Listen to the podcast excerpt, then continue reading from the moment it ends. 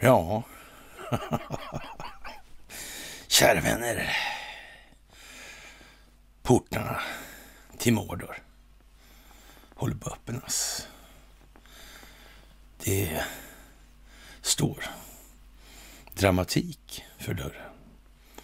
Och eh, vi kan väl fylla på med amerikanskt, som amerikanerna säger då. Bara för att man inte ser vad som händer så innebär det faktiskt inte att det inte händer någonting. Det behöver inte vara så. För nu händer det.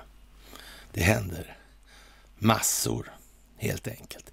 Vi skriver den eh, 21 januari 2022. Och det är sista vardagen i en vecka. Sista vardagen i veckor består vanligtvis av fredagar. Ja, så är det. Och på fredagar då har vi någonting som kallas för fredagsmys. Ja, ett institutionaliserat begrepp i Sverige. Det tycker akademierna är fint. Lite fluffigt, språkligt. Vad betyder det egentligen? Ja, för vår vidkommande så betyder det det omvända i förhållande till vad den eh, svenska Stockholmsbyråkratiska statsförvaltningen önskar. Och det är vi tacksamma för. Tacksamma, det är vi också för det ni gör. Fantastiskt. Och det blir bara bättre. Det blir bara bättre för varje dag som går. Ni gör en fantastisk insats och det här går som tåget. Det är otroligt glädjande att se all korrespondens ni skickar. Att jag inte hinner svara, det är lite som det är i det här läget. Och eh, ja, min Facebook-vistelse i finkan, den tar ju slut här om ett par timmar. Jag har ju fått påökt då efterhand av en eller annan anledning. Så det är lite märkligt, men märkligt är det kanske inte egentligen för mycket kanske ser märkligt ut, men det har en fullt logisk förklaring. Det här är historiens största stingoperation utan någon som helst jämförelse. Det är ett enormt planeringsarbete, vilket vi alldeles strax kommer tillbaka till. Som sagt, ni ska ha det största av takt för gåvor och bidrag på Swish och Patreon. Ni ska ha det största av tack för att ni faktiskt fördjupar er och vidgar era vyer, era perspektiv, er överblick, er optik som gör att ni utvecklas som människor, individer, vilket är förutsättningen för att samhället ska kunna utvecklas. Ni ska ha tack för att ni hakar på Telegramtjänsten. Tack. Jaha, och eh, vad är det som händer som är så jävla märkvärdigt egentligen? Ja, det här har jag hållit på länge. Länge, länge sedan gammalt. Och många av de här sakerna är ju väldigt stora och svårbegripliga rent ut sagt. Hur är det egentligen med den här Genèvekonventionen? Hur är det egentligen med Nürnbergrättegången? Hur var det med Nürnbergrättegångarna? Var det inte så att de i vanlig ordning då var lite lätt infekterade av enskilda intressen på något vis? Var det inte så? Jag tror det, faktiskt. Jag tror det. FN är det också kanske lite infekterat. Måste det här exponeras på något vis? Måste det skapas en eh, opinionsbildningsmässig hävstång för ytterligare information som kommer i ett senare skede? Kan det vara så? Det kan vara så, ja. Mm. Man kan nästan säga att det är helt säkert att så det är, helt enkelt. Och det här gäller allt. Det gäller allt i det här. Och eh, vi ska väl börja lite med ett passande exempel som amerikanerna tog upp i natt. Då. Och det, det, är ju lite målande så, men för vårt vidkommande så är det ju lite annorlunda i vanlig ordning eftersom vi sitter i en lite annorlunda position när det gäller då förhållande till kärnan i den djupa staten som är liksom det springande i, det springer ur det, alltså allting som sker runt om oss på vår jord. Det gäller att komma åt det här, det gäller att göra det koordinerat, samfällt. Och det är därför vi ser den här kanske ibland lite märkliga teatern. Det här beteendet, man, man har lite svårt att tro. Och det är klart, det är lätt att förledas till att tro då att det här handlar då främst om att de ska införa den här grymma, modiska, eh, ja, eh, vad han nu heter då, Schwabben där och hans polare ska göra något dramatiskt här. Men de är inte riktigt på banan helt enkelt. Det är ju så. Det är ju så. De har inte så mycket att komma med mot underrättelsetjänstkollektiv till exempel. Och jag menar, i sådana fall behövs det ju bara lite kinetisk militär verksamhet. Så håller ju de käften. Så är det ju också. Men för att kunna använda den kinesiska militära verksamheten så måste man kanske ha någon form av laga stöd för det, för att det här inte ska bli problematiskt i efterhand. Och jag tror i det här sammanhanget att de som har planerat det här faktiskt har Ja, de har nog lagt lite möda helt enkelt för att få det här tätt och bra. Det är nog inte så många misstag. Det må ha varit nära vid flera tillfällen. Det vet vi inte. Men en sak är i alla fall helt säker och det är det att eh, de står på. Och det är inte så att de bara står på för att de inte tror de ska liksom komma i mål med det här. Det tror de. De vet att de kommer i mål med det här. Och det är helt säkert att de gör det. Helt jävla hugget i sten säkert är vad det är. Jaha, och eh, nu när Durham samlar in allt som går då från tidigare administrationer och eh, ja, till exempel det här med Bush. Hur var det där med Florida egentligen? Vad spelar det för roll egentligen då? Ja, ja det är väl så här då vi har haft de här diskussionerna i olika grupper då. Vad är liksom den rättsliga grunden egentligen i det här? Och det är svårt att se liksom riktigt klart och det här med lagstiftarens mening i olika sammanhang, de exekutivordrarna och så vidare. Det är lite svårt att, att överblicka det där. De, framförallt de här exekutivdelarna är ju väldigt svåra eftersom de till stora delar inte är offentliga. Men det har man ju rådit bot på nu här på ett väldigt fiffigt sätt skulle man väl kunna säga. Som naturligtvis inte alls var planerat utan bara blev så. Man hade lite tur där helt enkelt.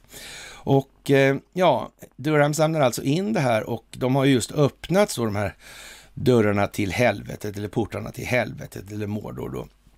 Och det har ju blivit ett godkännande då av handlingarna gällande Donald Trump och händelserna då kring den 6 januari 2020 i det här.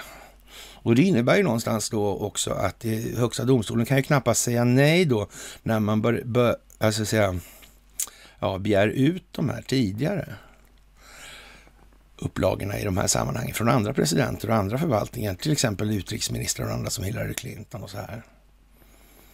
Mm. Det kan ju bli lite förnumstigt kanske. Eller så. Ja, och lägger man ihop det här i pussel då och korstabulerar så kommer man ju kunna konstatera då att ja, det här ser ju inte bra ut. Och det här angreppet då från någon form av entitet som inte riktigt är så att säga klart avgränsad i, i egentligen i något sammanhang. Det, det, det är alltså någonting som har pågått väldigt länge det här med att manipulera val. Med att sätta till proxys i regeringar för att kunna styra utan att synas. Att kunna verka utan att synas.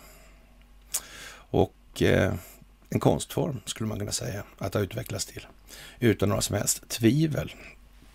Och eh, i Wikipedia så står det ju som bekant så här då, när det gäller stormningen av Kapitolium så var det ett upplopp som ägde rum den 6 januari 2021 i Washington DC i USA, när anhängare till den då sittande amerikanske presidenten Donald Trump stormade den amerikanska kongressbyggnaden. Men nu var det ju ingen som blev åtalad för det här, ja, brottsrubriceringen uppror då eller motsvarande. Det var ju inte det. Konstigt. Och nu när de här är ute då, de här, är det någon möjlighet kanske att den här äh, herr Epp då, som står där och uppviglar, finns han kopplad kanske till FBI? Kommer det kanske visa sig att FBI faktiskt har massa aktörer inblandade i det här. Det är ju det där med de där underrättelsetjänsterna igen. Vad ska vi med dem till? Vilka ärenden springer de här egentligen? Vad verkar de för egentligen? Vilka syften är det som de försöker tillgodose med sitt agerande?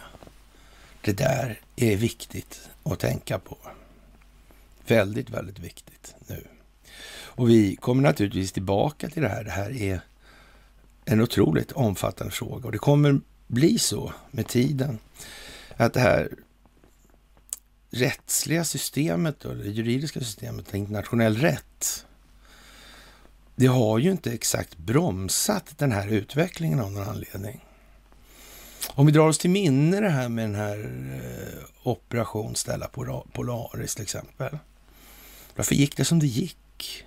Hur var det här med Hörningsholm? Hur var det här med han pansargeneralen Patton, han med Elfenbenskolvarna? Han som är på OS 1912 i Stockholm, Solskensolympiaden. Mm. Det är inte så svårt att få ihop det här.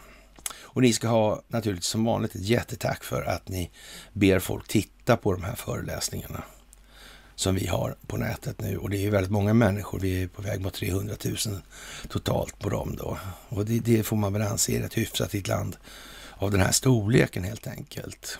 Och det gör ju naturligtvis att nu är det här i en enorm rullning dit som det lutar. Och eh, många människor gör precis som vi har sagt att de skulle göra nu. De ja, tycker att nej, man får nog fan göra rätt nu egentligen. Det är bara så. Och vi har liksom passerat den punkten, den Rubicon-punkten där, ja, nu är det dags att säga som det är. Sen får det bli vad det blir helt enkelt. Så här har jag gjort och så här tyckte jag då och jag förstår att det var fel. Och förlåtelse ska alltid ges till den som uppriktigt söker den. Inte till läpparnas bekännelse. Det är inte värt någonting. Men en förklaring till varför mm. kan utgöra en ursäkt. Så är det. Förlåtelse. Så är det också. Jaha, och eh, det är ju fantastiskt att du får vara med och uppleva det här. Det är bara så. Det är bara så. Det är den största omvälvningen i den moderna människans historia. Utan någon som helst jämförelse. Utan någon som helst jämförelse. Så är det. Jaha, och underlivsporslinet han oroar sig numera för valfusk då under valet 2022, det här mellanårsvalet här som kommer. Så han måste då så att säga få till ett antal förändringar. Det här var igår eller om det var i förrgår, möjligen, som man uttrycker den här farhågan då. Och det är ju lite särskilt då, för det innebär ju någonstans att då börjar det komma näbbiga frågor då. Och om eh, man är nu så orolig för att det ska bli valfusk då om man inte gör de här förändringarna, kanske det kan ha förekommit valfusk tidigare då eventuellt. Och ja, vad ska vi säga? Fryntliga Jens där, hon, ja, hon har ju svårt liksom att få ihop det här nu. Det är ju så. Av förklarliga skäl alltså. Det är så att hon har stackt upp sig då på goda grunder skulle man väl kunna säga. Men det är också så här att det är klart att Jens Saki vet om vad det här är för någonting. Tro inget annat. Och ja, vad ska vi säga, det här med dinos och rhinos. Ja, det är ju vad det är. Man ger sig inte in i ett sånt här företag utan att ha förberett sig. Det är bara så. Och det kommer att visa sig. Precis som det kommer att visa sig att de värsta förrädarna, de visar sig alltid sist. Så är det. De visar sig alltid sist. Mm. Och det gäller för båda sidor. Härska genom söndring fungerar åt båda håll. Det är liksom en av de grundläggande principerna i det här. I det moderna kriget. Det moderna kriget som består till 80 procent av informationshantering, till 20 procent av ekonomi och nej, förlåt, 15 procent av ekonomi. jag har sagt det för många gånger tror jag. Och 5 procent militär verksamhet. Ja, och vi har en massa olika saker. Och nu blir det lite korsvarianter här, skulle man kunna säga, korsstabiliseringsvarianter. I det här då så kan man väl eh, säga så här. Alltså, när underlivsporslinet uttrycker att han oroar sig för fusk i valet 2022, om man inte får igenom de här förändringarna, då är det liksom kombinerar man det med annat så, så börjar man se ett mönster här. Och, man kan väl säga så här, Investors vd Johan Forsell varnar för utmaningar 2022, men känner sig ändå optimistisk och spänd på de möjligheter som en volatil miljö kan bjuda på, säger han i en intervju med Dag, Dagens Industri TV då, där han också kommenterar det kraschade Såbybudet. Och, och varför vi snackar om Investor i det här sammanhanget, det tror jag nästan de flesta som följer den här kanalen har förstått vid det här laget. Nu är det ju så att nu börjar resten av världen se det, eller det har de sett länge, eller i alla fall några delar av stora världen har sett det här länge. Och nu kommer det svenska folket att se det här och det här kommer, precis som jag sagt hela tiden, det kommer att komma rullande in utifrån och då gäller det att vi här visar att vi faktiskt har försökt och försöker att skapa en mer upplyst och medveten befolkning för att minska det här globala lidande som den här pesthärden har spridit runt planeten. Och eh, vad sa kineserna i de här sammanhangen? De sa det klockrent i en omskrivning. De hade nog kanske läst lite om eh, ja, forna begrepp, och så här, med kenne kanske, jag vet inte. Eller känne till och med. Ja, valens väg, havet och det här. Mm omskrivningar, metaforer, liknelser i det här. Vikingarna, vikingarna var pigga på det redan då. Vilket då man ska se i ljuset av att då kanske de höll på med sånt här redan då också. Man vet ju inte, man kanske förstod att andra inte förstod den typen av kommunikation lika bra. Det blir lite som att verka utan att synas i alla fall då. då. Kanske. Ja, jag vet inte. Det där är ju någonting som man får fundera på om man inte har tänkt på det tidigare. Det kan ju vara så. Faktiskt att det här är gammalt. Riktigt, riktigt gammalt. Jaha, Investor lämnar på fredag sin rapport för fjärde kvartalet och där varnar Johan Forsell för de många utmaningar som bolaget står inför i år och det kan man väl kanske säga är i alla fall den här fredagens understatement. Det får man nog säga. I alla fall. Och eh, hur det här kommer att bli då, det, ja, det, det, är klart. En volatil miljö, det kan man väl säga, ligger, ser det ut att ligga i farans riktning. Och ja, det är nästan svårt att säga att det kan bli något annat. Men det är klart att det ser snyggare ut med en varning så här. Man får ta tuggorna i lagom storlek för att man ska kunna svälja helt enkelt. Det går inte med en elefant i truten på en gång. Faktiskt. Nej, om han känner sig pessimistisk får han frågan. ja, man får väl säga att det var väl en lite retorisk fråga egentligen, men då säger han att det är tvärtom i alla fall. Och ja, vi får väl se. Vi ser många möjligheter att flytta fram positionerna i våra egna bolag och, och ta marknadsandelar. Och det kan man ju säga är, säger en del helt enkelt i det här läget. Det får man nog anse. Och eh, ja, Sen är det inte omöjligt att vi också kommer att se en ganska hög volatilitet framöver och det skapar också möjligheter. Ja, det är inte omöjligt i alla fall. Nej, men det kan man ju säga så här. Det är en lite återhållsam formulering i de här sammanhangen. Och återigen, det handlar om språket, det handlar om orden, det handlar om att ord styr tankar i det här. Så.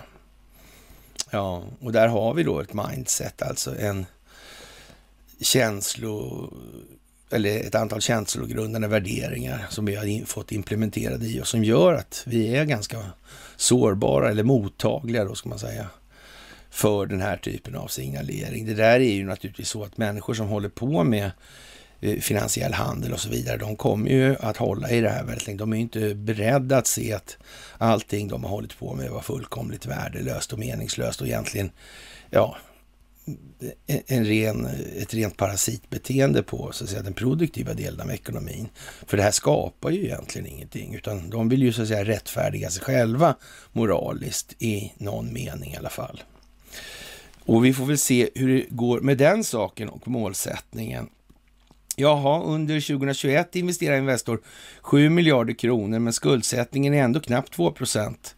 Och det den goda form som bolaget är i har möjliggjort för styrelsen att föreslå en utdelningshöjning från 2021, berättar han. Och det kommer ju säkert glädja väldigt många. Något i det här som anar vad det här är för någonting. Så är det också. Och så det finns ju ett antal för då, företag i det här, så ja, det är lite speciellt helt enkelt. Och det är lite strul i, i det stora hela skulle man kunna säga av någon anledning. Och den där anledningen är naturligtvis att Investor är just Investor. Investor har bedrivit den verksamhet som Investor har bedrivit. Så kan man säga i det här. Framåt är det positiva att på, ja, när det gäller till exempel Mölnlycke då, så, så ja, de är faktiskt tillbaka 100 kapacitet när det gäller att få ut ordrarna till kunderna. Och, och, ja, han får frågan också så här, när det gäller det här med e-, Ericsson. Alltså Investor satsar en miljard på att utöka sitt ägande i Ericsson. Vad konstigt. De kontrollerar ju redan det. Hur kommer det där sig? Varför gör de så för? Vad beror det på? Hur ser framtiden ut för Ericsson i det här? Är det så att Ericsson kanske finns inblandat i, vad ska vi säga, tvivelaktigheter när det gäller olika ja, demokratiska former i olika länder genom telekominfrastrukturen till exempel. För det är väl så att det här Ericsson är någonting som Mike Pompeo uttryckte var, uttryckte var ett nationellt amerikanskt säkerhetsintresse. Mm. Det verkar konstigt det där. Fast egentligen naturligtvis helt jävla uppenbart. Och det blir allt mer uppenbart för var dag som går i den meningen. Ja, angående den spruckna Sobi-affären då, där Investor i linje med bolagets styrelse ställde sig bakom budet, säger Johan Forsell att Investor helt sonika tyckte det var ett rimligt bud, men likaledes Investor ägda AstraZeneca med innehav i Sobi tyckte annat och därmed föll affären. Mm. mm. Den typen av schismer har man inte hört om så ofta. Man tar vad man har, sa Kajsa Warg. Påminner inte det där förresten lite grann om Boschaffären? Upplösningen där som man torgförde. Jo, det gör det ju. Hur var det nu egentligen? Det var två stycken som hette Wallenberg en hette Jakob och en hette Markus, för ovanlighetens skull. Ja, den ena sa till amerikanska utrikesdepartementet och det amerikanska justitiedepartementet att den andra hade blivit galen och gått bakom ryggen på honom. Ja, och nu skulle han avskiljas från verksamheten. ja, ja, det låter ju väldigt fantastiskt det där, får man säga. Ja, det är lite bra. Det låter lite som samma grej, va? För de som känner till det här, är inte det lite komiskt nästan? Jo, men det är ju faktiskt lite skrattretande. Ja, vi gjorde vår bedömning i linje med Sobis styrelse. Hur andra aktieägare fattar sina beslut är deras ensak att svara på, säger herr Forsell där då, grötmyndigt. Ja, men det är lite gulligt här tycker jag. Det är lite fint helt enkelt. Och eh, jaha, vi har kommit fram till elen. Vi ska ta en energisväng här också som vanligt. Och det där är ju ett evigt gissel. Va? Och jag tror väl kanske att de flesta börjar förstå att det här är inte riktigt seriöst. Alltså det är snudd på rakt igenom helt oseriöst Eller rättare sagt, det är helt jävla oseriöst. Och de flesta börjar ju se det nu. Och de här elpriserna, de är, de är för kul alltså. De bara hoppar lite hit och dit. Va? Det verkar vara... Ja. Och allt är ju liksom inte ens ja, energin, själva kostnaden för energin, utan en hel del andra konstiga, mystiska och prisbildningsmekanismen verkar oerhört mystisk. Den styrs genom någon Nordpol och inte den som Ture Sventon hade det där lilla kylskåpet som han förvarade temlorna i när han var ute och flög va? på flygande mattan. Nej, utan, och inte den geografiska heller då, naturligtvis. Och ja, det där är ju lite udda. Inte? Jo, faktiskt är det. Ständigt denna vässla skulle man nästan kunna säga på det temat. Och den här vintern har gjort elområdet till ett, eh, ja, vardagsord för svenska konsumenter. Och när man ser det här då, att det blev lite fel här helt enkelt, så får man nästan ställa sig frågan, kan det, vad var egentligen syftet med det här med elmarknaden och indelningen av de här områdena? Var det som någon del i den här efter, eller så där, egentligen önskade prisbildningsmekanismen kanske? Sett till utfallet får man nästan det intrycket faktiskt. Det är oerhört svårt att tro att det var på något annat vis i alla fall. Och, och alltså, vi inväntar den förklaringen. Och det kommer naturligtvis en förklaring, men jag vet inte riktigt om jag, jag tror liksom det på nästan blir tårögd av glädje. Eller av ja, skratt kanske snarare. Och eh, ja, den här vintern har alltså gjort elområde som begrepp betraktat i ett vardagsord för svenska konsumenter. När det har blivit tydligt att elpriser beror på var du bor, till exempel. Då. Vissa dagar har en skåning tvingats betala sex gånger mer för en kilowattimme än en norrbottning. Jaha, ja. Det måste ju vara produktionspriset som är avhängigt här. Ja. Bakgrunden är en gammal konflikt med vårt grannland då Danmark, alltså branschorganisationen Dansk Energi, protesterar mot att Sverige begränsar elexporten. Eh, ja, alltså vänta här nu. Eh, om Danmark inte har någon elproduktion att tala om eller överhuvudtaget kanske rent utav. Då ska de ha alltså, som de ser då ska de ha rätt alltså att köpa till samma, är det så de tänkt, till samma pris som Sverige har då, medan vi exploaterar älvarna då och förstör miljön och allting då. Och, och så vidare. Eller hur fan tänker de? Vi står med notan och de tar nettot. Det verkar vara en lysande affär. Faktiskt. För övrigt som det stort fungerar, men ändå. Det där verkar lite dumt i alla fall. Och det är inte säkert att den politiska kulissen skulle gå hem i särskilt många stugor, speciellt inte de här tiderna. Naturligtvis inte. Och eh, Dansk Energi protesterade alltså mot den här begränsade elexporten och man fick stöd av EU-kommissionen som 2010 krävde att Sverige skulle hitta andra sätt att hantera svagheter i vårt transmissionsnät. Och ja, det är ju naturligtvis, ja, då blev den här lösningen med fyra elområden SE 1 till SE4 som infördes i november 2011. Det så I den så kallade kraftbalansrapporten för 2012 skriver den ansvariga myndigheten Svenska kraftnät så här var en mycket fin prosa naturligtvis. Eftersom det finns ett betydande elunderskott i södra Sverige medför elområdesindelningen på kort sikt ett relativt högt elpris i söder jämfört med norr. På längre sikt medför indelningen en bättre fungerande elmarknad när prissignalerna nu tillåts nå fram till marknadens aktörer. Jaha. Då alltså skulle produktionskapaciteten som en konsekvens av det här skulle på något vis öka då. Det måste vara så man har tänkt att man ska tänka när man hör det här då, eller det är själva spinnen, eller spinnet på det här. Jaha, ja, ja, det verkar konstigt. Jaha, vi väntar och så ser vi. Tanken var att reformen skulle stimulera ny elproduktion i söder och elområ i elområde 3 och 4. Så har det inte blivit enligt genom DNs genomgång. Häpnadsväckande konstigt alltså.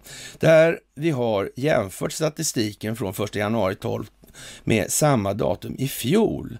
Den sammanlagda elproduktionen i de två södra elområdena har faktiskt minskat 2% I de två norra har den stigit med totalt 35 procent.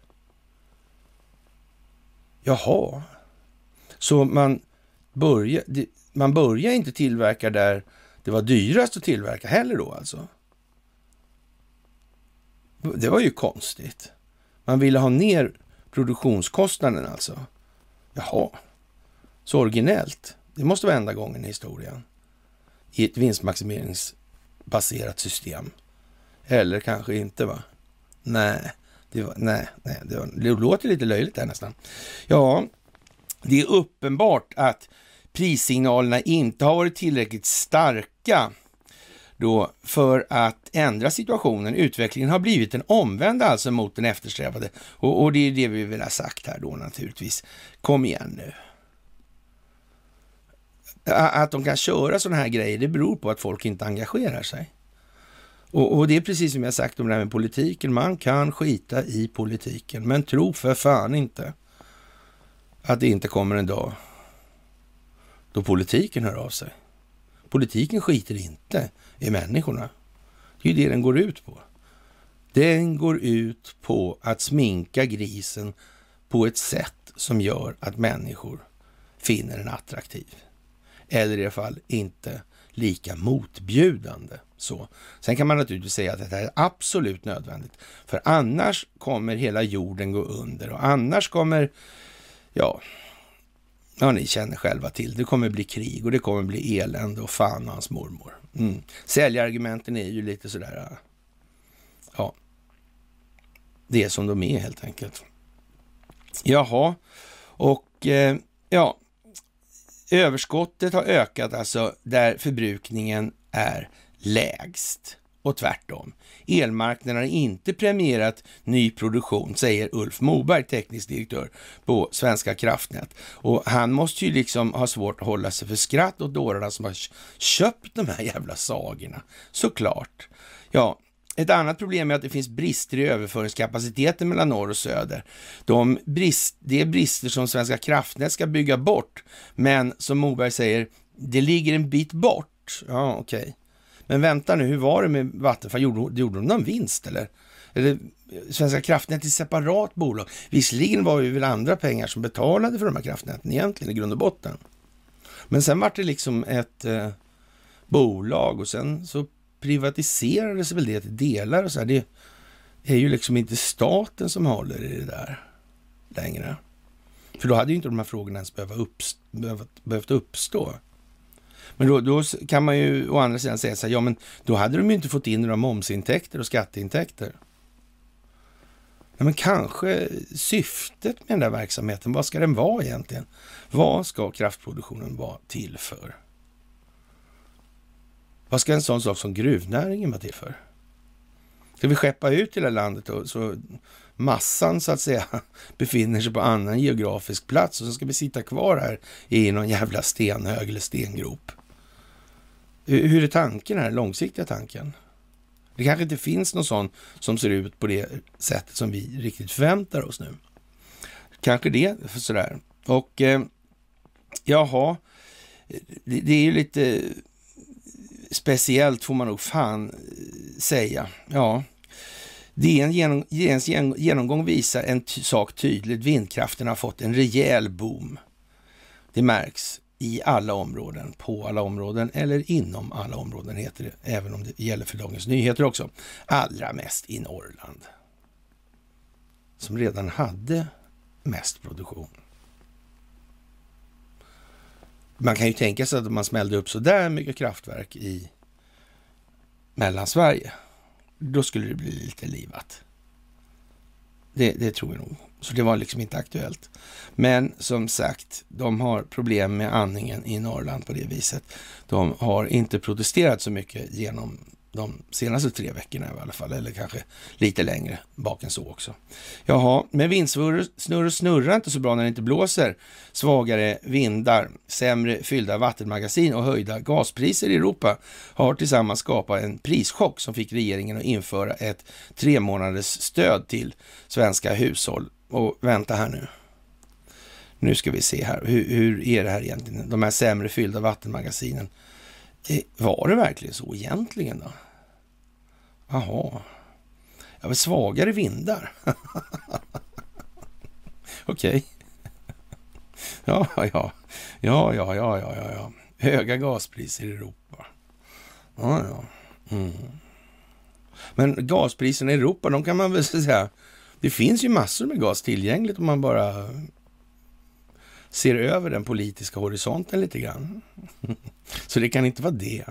Det här med vindarna och vattnet, det... Ja, ja. Ja, ja. ja, ja. men det, för övrigt är det väl så, vinter är kallt ganska ofta i Norrland, så kan man väl säga. Sådär. Det händer ju ibland i alla fall. Då blåser det ju mindre, det är ofta så. Så är det ju. Och när det är för jävla kallt och blåser ändå, då kan man säga att då är nedisning ett eh, ja, löjligt återkommande problem. Så kan man säga. Också. Det kan man ju faktiskt säga. Ja, ja. Det har ju skett trots lägre priser där avgörande. Det har istället varit bra vindlägen och stora områden med gles befolkning, kommenterar den här Moberg då. då. Och eh, ja, det är ju som det är. Svenskarna lärde sig att vi är ihopkopplade elmässigt med andra länder och det var ju det här med exporten alltså. Hur fan kan priset gå upp om vi exporterar? Ja, det beror på att de tar våran el alltså. Någon annan köper den. Som kanske inte har tillgång till. Det är klart de är villiga att betala vårt pris som har tillgång till den naturresursen. Men vem är det som vinner på det här? Vem tjänar? Vem ligger bakom det här egentligen? Är det här någonting som kanske finns förgrenat ut över planeten i stort? Hela energimarknaden kanske är en ren och skär bluff. En konstruktion för att gynna samma gamla vanliga enskilda nyttomaximeringsintressen. Kan det vara så? Ja, och sen så är det som det är.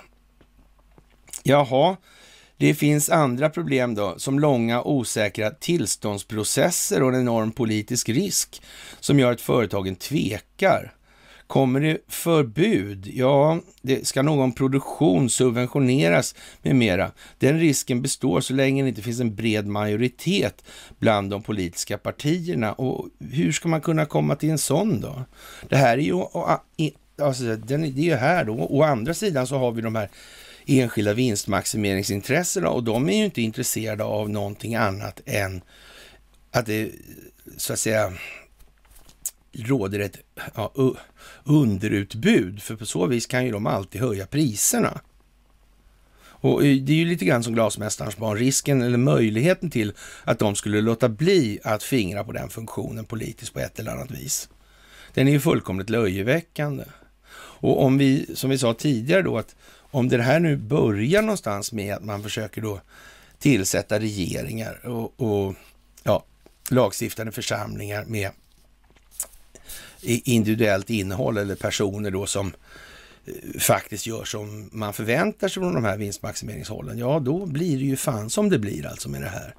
Det ska man ha riktigt klart för sig. Det kan ju liksom inte bli på något annat vis. Ser vi några politiska partier som adresserar de här frågorna? Man skulle ju kunna tänka sig att Miljöpartiet skulle ha gjort det. Miljöpartiet gjorde aldrig det. De tog aldrig upp det här med älvarna. Det var aldrig så. Kärnkraften förblev mördarfarlig och så vidare. Så här har det varit hela tiden. Det har aldrig varit annorlunda. Det är inte annorlunda nu heller. Det är bara så det är. Och hur har det här varit möjligt överhuvudtaget? Ja, det finns inget tjänstemannansvar. Det finns en utnämningsmakt. Det finns ingen maktdelningsfunktion för kontroll. Det finns folksuveränitetsprincip och så vidare och så vidare. Jaha,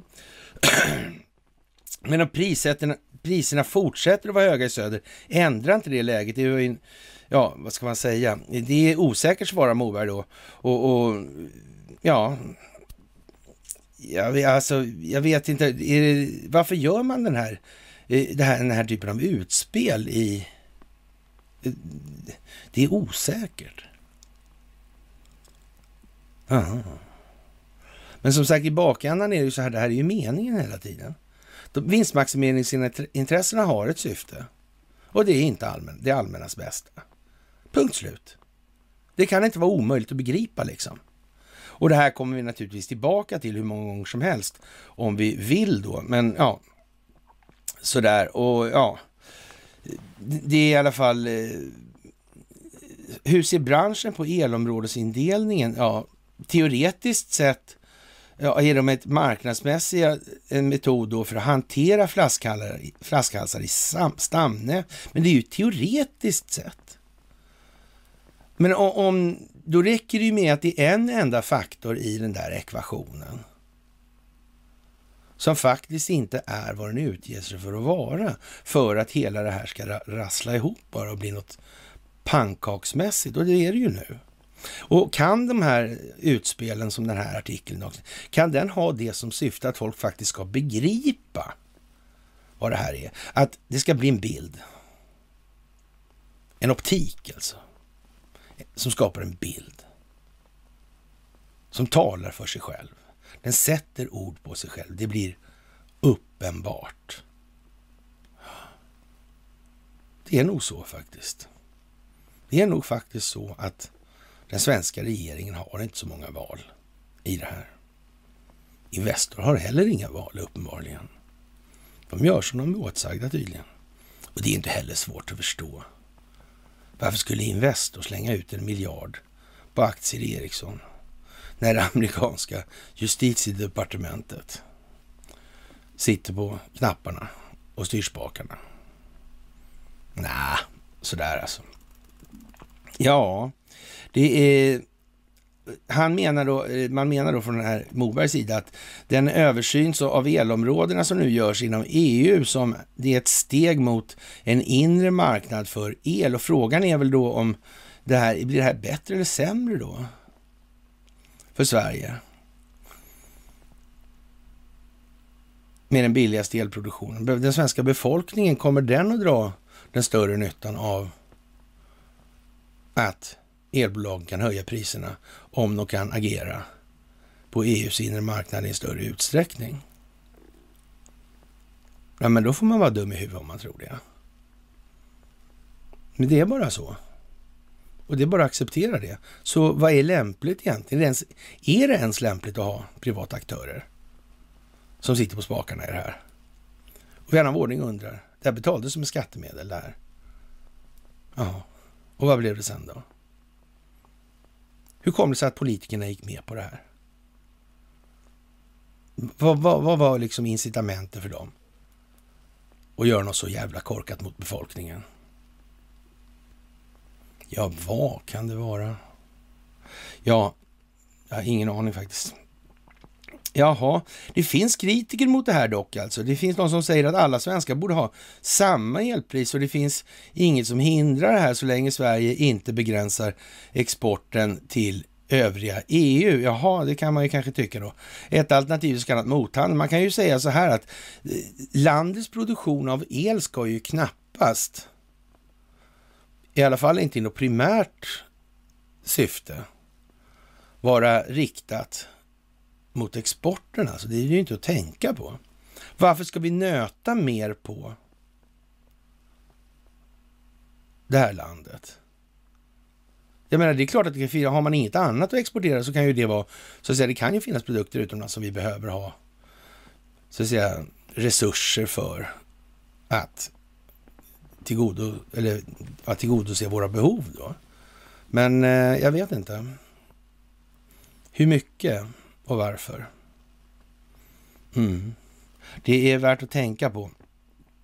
Ja, och eh, man, ja. Det, det, är lite sådär... Uh, man bedömer att det är ännu större ingrepp i elmarknaden. Säger det, det, Motander, eller Moberg och de här, de är ju liksom inte sådär... Eh, det fattar ju de också. Att, hur fan ser det ut liksom att inte ha gjort ett jävla handtag för att komma till rätta med det här? Utan istället har uppmuntrat det här hela tiden. Och den här situationen har ju bara förvärrats. Med de här rekorden. Alltså, det går ju bara åt ett håll i den meningen. Vi kan ta analogin med dieselpriserna. Nu är ju liksom 30 kronor något som återkommer hela tiden i det här. Och den här jävla miljödieseln då. då.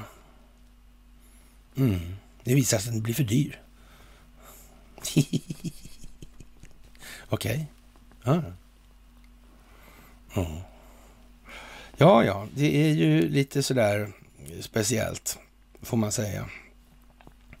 Jaha, på temat då inte så bra ur perspektivet angrepp på militära angeläger, alltså, eller då den amerikanska konstitutionen som militären är satt att skydda då. Och ja, om man lägger ihop det då med det här med effekten av det här med prejudikatet på exekutivdokumentationen då som utlämnande av sånt som ja, har försiggått i de här departementen och kring presidenten och sådär. Då kan man väl eh, säga så här att eh, i decennier har Demokraterna och Vänsterpartiet kämpat våldsamt för att förhindra rensningen av statens väljarregister. Alltså, det handlar alltså om det amerikanska valet. Vänsteraktivister ah, insåg en potential nisch och skapade någonting som heter ERIK med C då alltså, för att städa väljarlistor på den, deras väg då på sitt sätt alltså, genom att använda sina regler också. Och Eh, ja, alltså det är någonting som heter Electronic Registration Information Center, Erik, alltså. Som en medlemsorganisation främst för blå stater då alltså. Jaha, Erik är i huvudsak en vänsterorienterad väljarregistreringskampanj förklädd till att städa upp i väljval, alltså vallängderna alltså. Jaha, och då visar det sig då i naturligtvis fullkomligt häpnadsväckande då att det är någonting som är kopplat till George Soros. Det är ju samma gamla George Soros igen alltså. Han med kvantumfonderna. Frågan är, kom kvantumfonderna före kvantumdatorn? Nej, den gjorde ju inte det, nej. Och förresten låg ju de där kvantumfonderna hos... Ja, så var det ju också.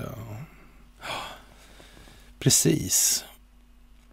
Och George Soros där, var inte han inblandad i någon Dominion-historia tillsammans med Carl Bildt och en amerikansk general på Balkan här förleden?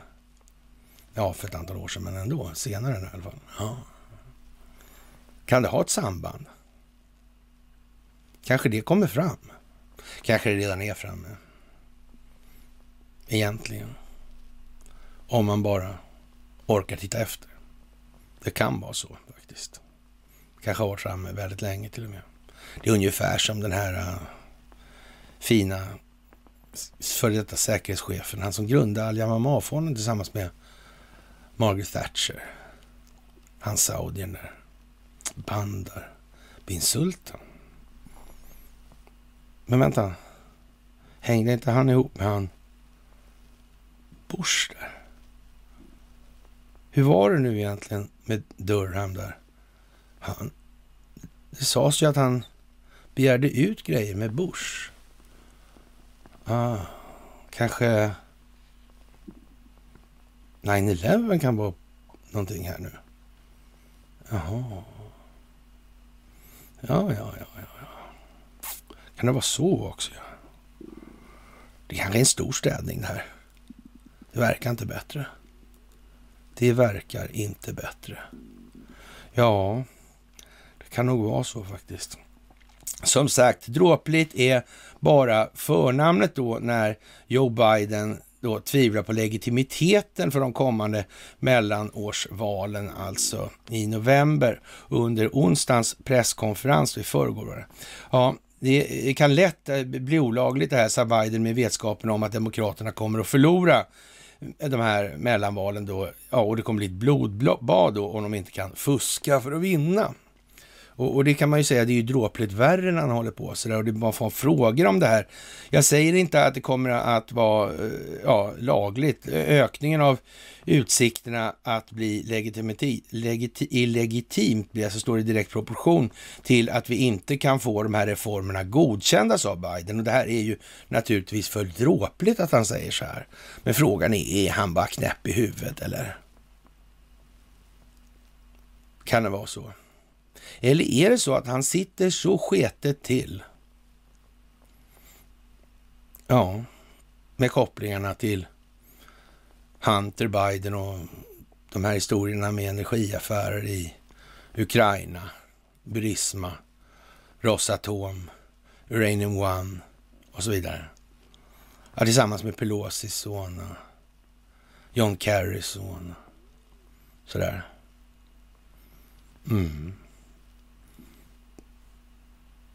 Kan det vara så att man faktiskt har, man har satt residenten där för att han ska sitta där och göra det han ska göra. Och nu börjar teatern bli för jävla komiskt alltså. Det, är för, det blir för dumt alltså bara. Jaha, och eh, ja, flera reportrar från Vita, hu eller från Vita huset peppade på torsdagen då Jens Saker med frågor om Bidens kommentarer och, och det blev ju lite sådär halv halvtokigt skulle man väl eh, kunna säga. Att, eh, ja, så ja eller nej tror presidenten om allt eh, förblir som det är, ja just nu, att valet i höst kommer att vara legitimt och frågan, ja men sa Saki och sen så attackerar hon Trump då liksom. Det, det är som, ja, nu är det ju som det är. Va? Det, det, jag vet inte.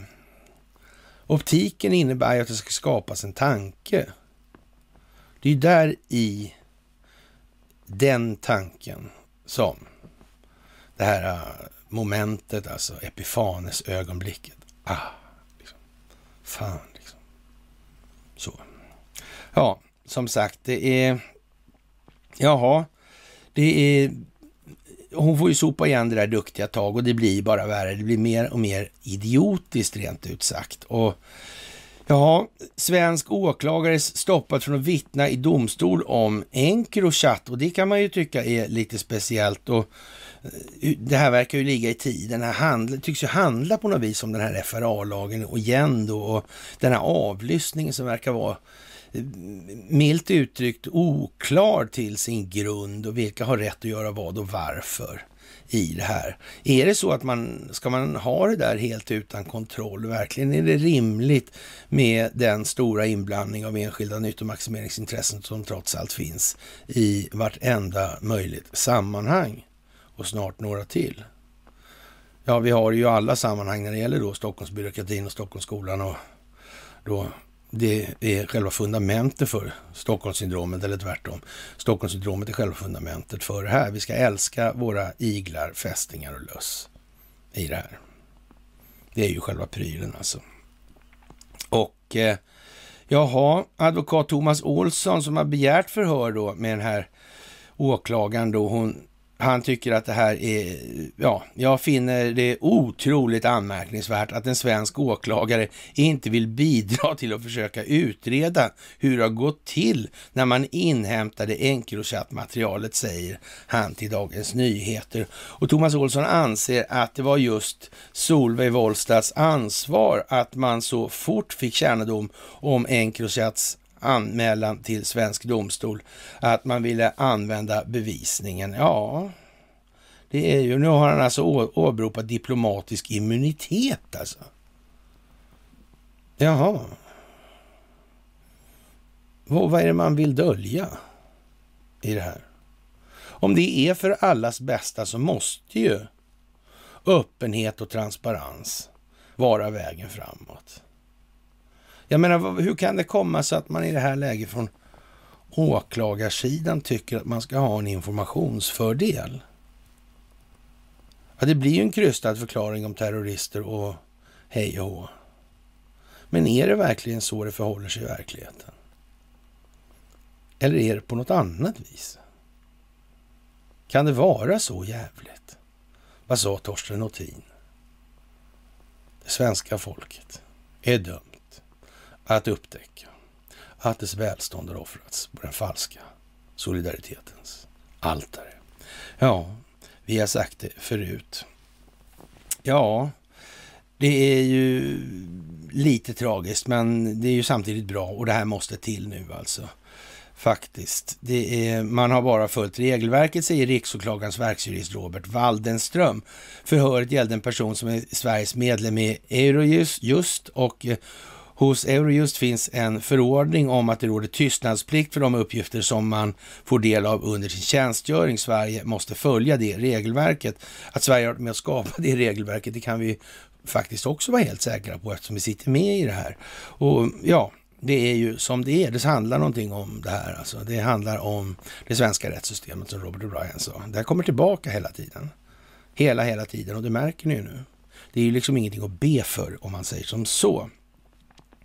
Jaha, det är ju efter fyra månaders förhandlingar avslutas hovrätten för Västra Götaland på onsdagen rättegången där 13 personer kopplade till gängmiljöer begärt att frikännas från delaktighet i det omskrivna mordet på en 33-årig känd kriminell i Gamlestaden i Göteborg 3 maj 2020. Fyra av de 13 dömdes för i somras av tingsrätten vid livstidsfängelse och en väsentlig del av åklagarens bevisning kom från tusentals meddelanden i den krypterade kommunikationstjänsten Encrochat. Och och det här är ju naturligtvis, ja, vad det är när det gäller den här avlyssningen och så vidare och Sveriges roll i den där. Och fransmännen hade ju liksom inte avlyssnat någonting, inte en jävla bokstav, utan tillgång till transmissionen i telekominfrastrukturen. Det är ju bara så. Mm. Vem är det som står för den då? Ja, så är det ju. Så är det. Ja, det är ju lite speciellt, får man ändå säga. Jaha, det är ju svensk polis och åklagare har hänvisat till det svenska systemet med fri bevis, eller den fria bevisprövningen. Och eh, ja, Högsta domstolen har så här långt hållit med och har avvisat ansökningar om prövningstillstånd. Och det kan nog vara så också att det kommer att fälla den högsta domstolen i det här landet, för den är skapad när den är skapad och den svenska, om vi ska kalla det för konstitutionella grunden, vi har ju en konstitution på det viset, men som man har i USA till exempel, men den är ju någonstans så ägnad att den ska gynna de här enskilda intressena. Det är ju själva fundamentet, precis som den internationella rätten när det gäller Haagkonventionen. Eller ja, Genève och Nürnberg då i alla fall. I det här. Och Haag är ju för övrigt vad det är då naturligtvis, men det, det, det är ju liksom skapat i samma anda och under samma tidsperiod, så det blir liksom bara en konsekvens av det här. Och, och det är inte mer än så alltså. Så jag menar, det säger ju liksom ingenting, hålla på, ja, vi har byggt ett listigt system och hänvisar till det listiga systemet och folk förstår inte att det är ett listigt system som inte alls har det syfte som man har utgett systemet för att ha. Det är lite skillnad helt enkelt. Jaha, hovrätten tycker en massa saker och eh, det här är ju någonting som kommer att ta tid. Det kommer inte gå fort. Vi har liksom ingenting att hålla i och hur, hur, ska vi kunna hantera det här i det här landet? Ska vi be Jimmy Åkesson ta hand om det här? Han som inte ens adresserar... Men man har ju, man har ju den här Trinde Karlsson då istället. Mm. Då kan ju han då göra det. Mm. För det är ju ingen risk att... det är ju inte det. Nej. Ja, de adresserar ju förvisso inga problem, de, de, de har säkert tänkt att göra det om det blir så. Mm. De är säkert väldigt Investorkritiska just det, tror jag faktiskt. Jaha. Det är ju, så att säga, en situation som kanske inget land någonsin har ställts inför, som vi står inför, vi som bor här i Sverige. Det är ju så. Och ja, om man har lyckats infiltrera och korrumpera så stora delar av planeten så kan man nog vara tämligen förvissad om att omvärlden kommer faktiskt jakt på vad är det vi håller på med här egentligen. Och framförallt ur det perspektivet att de är nog inte så där jävla sugna på att det här ska upprepas. Det har, tycks ju ha en tendens att bli lite långdraget. Mm. Sådär. Det kan ju vara bra att tänka på. Ja, som sagt, det där kommer vi att se en massa om.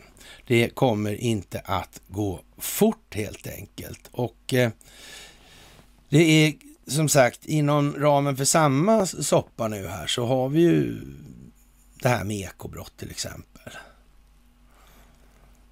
Det är ju själva fan att det är amerikanska skattemyndigheterna, amerikanska SEC som ska komma på det och tala om det för svenska ekobrottsmyndigheten. Man får nästan intrycket av att, eh, ja,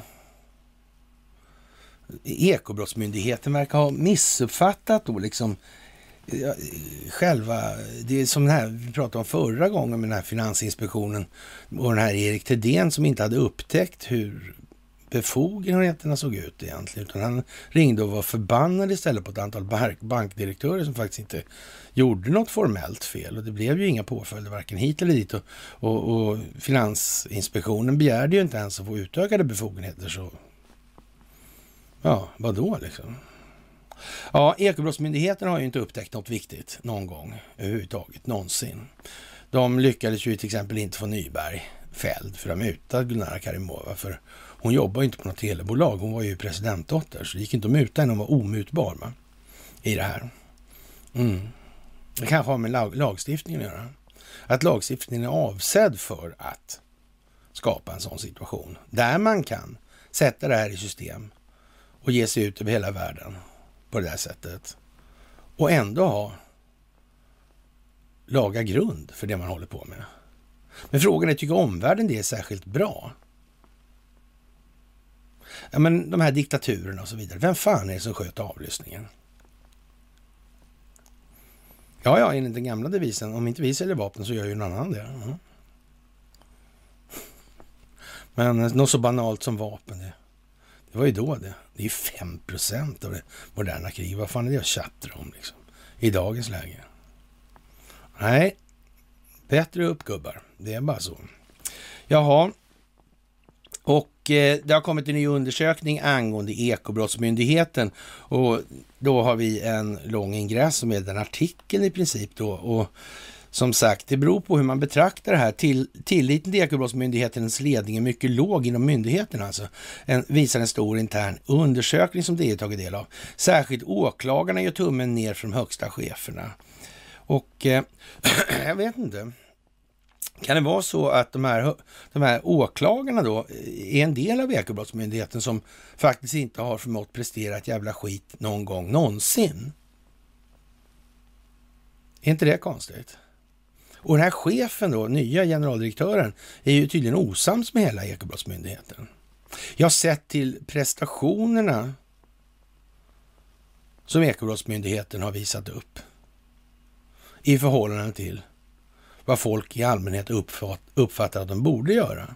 Så får man ju vara jävligt tacksam då och folkets vägnar för, eller befolkningens vägnar då, att den här nya generaldirektören faktiskt är osams med hela gänget. För det vore ju fan trist om det inte var så.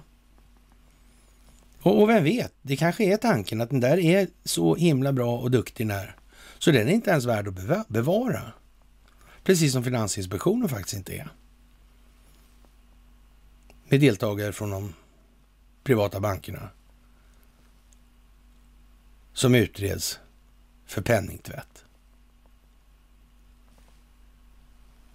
Jag menar, är det ofta man gör så att man tar förövaren som utredare av sitt eget brott? Är det, är det vanligt då liksom? Jag är säker på att det inte är vanligt i andra länder i alla fall, även om det förefaller vara väldigt vanligt i det här landet.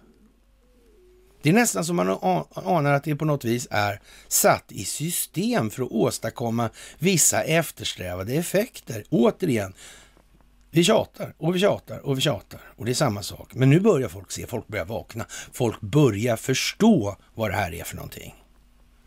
Det är stor skillnad, det är stor, stor, stor, stor skillnad. Och nu går det riktigt lätt faktiskt. Jämfört med för ett decennium sedan kan vi säga så här, det är ljusår i skillnad. Det är ljusår i skillnad. Jaha, och eh, ja, jag ser det som allvarligt att förtroendet är lågt för myndigheten och hur den leds då, säger generaldirektör Monica Rodrigo till Dagens Industri, trots att Monica Rodrigo tillträdde som generaldirektör för Ekobrottsmyndigheten redan 2018 är det först nu som en medarbetarundersökning har gjorts. Ja, tänk vad konstigt att det kommer nu. Det är ju märkligt. Mm. Tänk om det är tajmat. Tänk om det är planerat och koordinerat i något sammanhang. Mm. De här andra länderna som inte heller är så förtjusta i Sverige och den djupa staten. Om det fanns ett internationellt samfund som faktiskt ägnar sig åt att bekämpa den djupa staten, alltså ordentligt, samfällt, koordinerat. Skulle det möjligen kunna vara så att det fanns, eller finns, registerhållning där också? Finns register? som innehåller saker som kan ställa Sverige i ett helt annat ljus. Inte den här lögnen längre, utan i ljuset av verkligheten. Men Sverige måste komma sent i det här. Det är för utbrett. Det sitter för djupt. Det går inte att ta direkt. Det blir alldeles för mycket att tugga i sig. Det blir bara kaos. Ja, både den organisatoriska och sociala arbetsmiljön är god. Det tycker jag är glädjande och, jag är helt i, och det är helt i linje med den bild jag själv har och Eh, som även de fackliga parterna framför. Jag tycker också att i stora delar bekräftar att Ekobrottsmyndigheten är en attraktiv arbetsplats med engagerade medarbetare, säger Rodrigo då. Och det kan man ju säga så här, det är ju vilken, ja, värd vilken, det är politikerprosa helt enkelt. Ja, alla gräller på henne och hon säger att det är så bra här så det är inte klokt. Alltså alla är nöjda. Jaha, och eh, ja, så att säga. Undersökningen reser dock ett stort frågetecken kring medarbetarnas vilja att faktiskt arbeta kvar. Ja, i det fallet får man nog nästan anta att det finns några andra och underliggande parametrar som faktiskt påverkar det här. Vad sägs om att eh, man har fuskat med utredningar för att skapa en politisk bild som inte går stick i stäv med vad som önskas av de här enskilda vinstmaximeringsintressena. Kan det vara så? Som till exempel med Gunnara Karimova.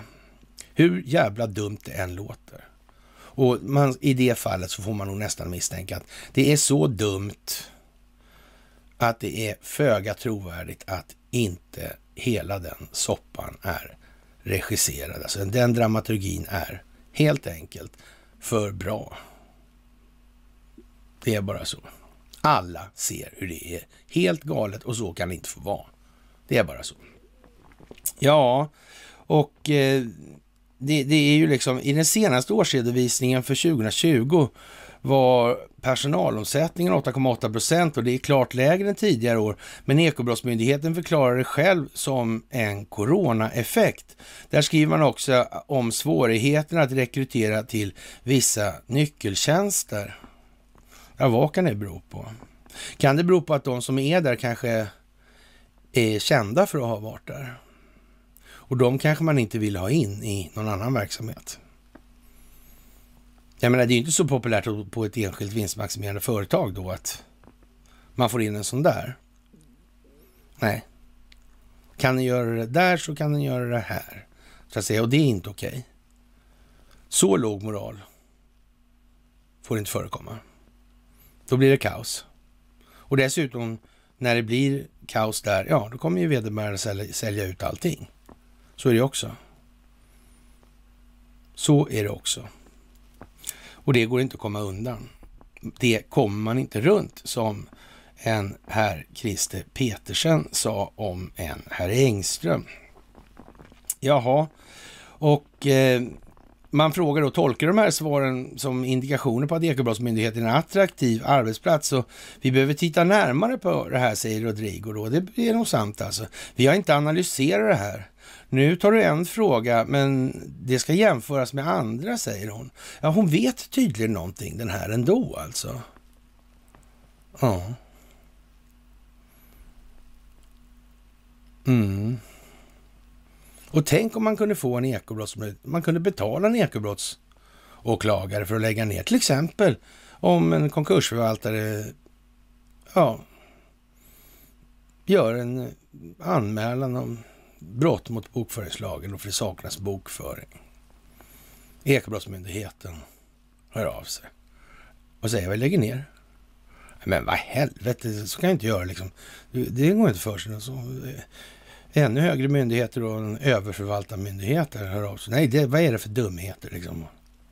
Sådär. Någon intresserad part begär ut den här kanske och blir ombedd av Ekorådsmyndigheten att skicka den här överklagan till Molom, landet mellan fantasi och verklighet. Men då får man nästan intrycket av att de vill att torska, va? Kanske var så liksom, redan då. Det, det, är liksom inte seriöst alltså. Var det Finn Zetterholm han hette den där som sjöng den här också? Ja, ja, visa till Molom ja. Jaha, ja, ungefär en av åtta på Ekobrottsmyndigheten, 16 procent alltså, går nästan aldrig till jobb med den här studsen i steget som gör när de känner sig fulla av energi när de ska till jobbet alltså. Nej. Nej, de hänger nog, det är slokande axlar alltså. Det tror jag. Ganska insjunket bröst också. Det är jag helt säker på. Mm. Det är lite så. Som man bäddar får man ligga. Mm. Och det kanske inte är läge att lägga ner där än alltså. Det skulle se jävligt konstigt ut. Mm. De är ju ändå tvungna att hålla saker. Handlingar. En viss registerhållning finns det.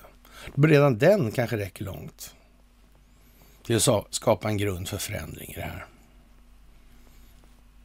Mm. Ja, öppenhet och transparens är inget som svenska myndigheter tycker så mycket om alltså.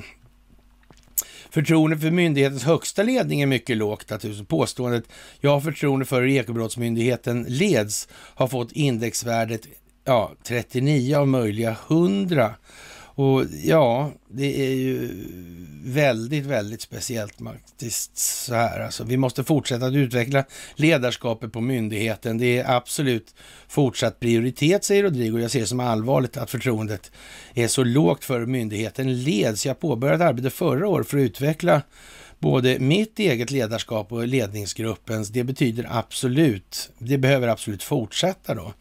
Och ja, jag vet inte någonstans måste man liksom förstå att den här Stockholmsbyråkratin, den är till för vad den är och inte till för någonting annat. Och ja, de är naturligtvis kränkta då över att bli ifrågasatta, de här stackars åklagarna. Det är ju så. Och jag antar att det finns lite metoo och annat där inne också. Av förklarliga skäl. Mm.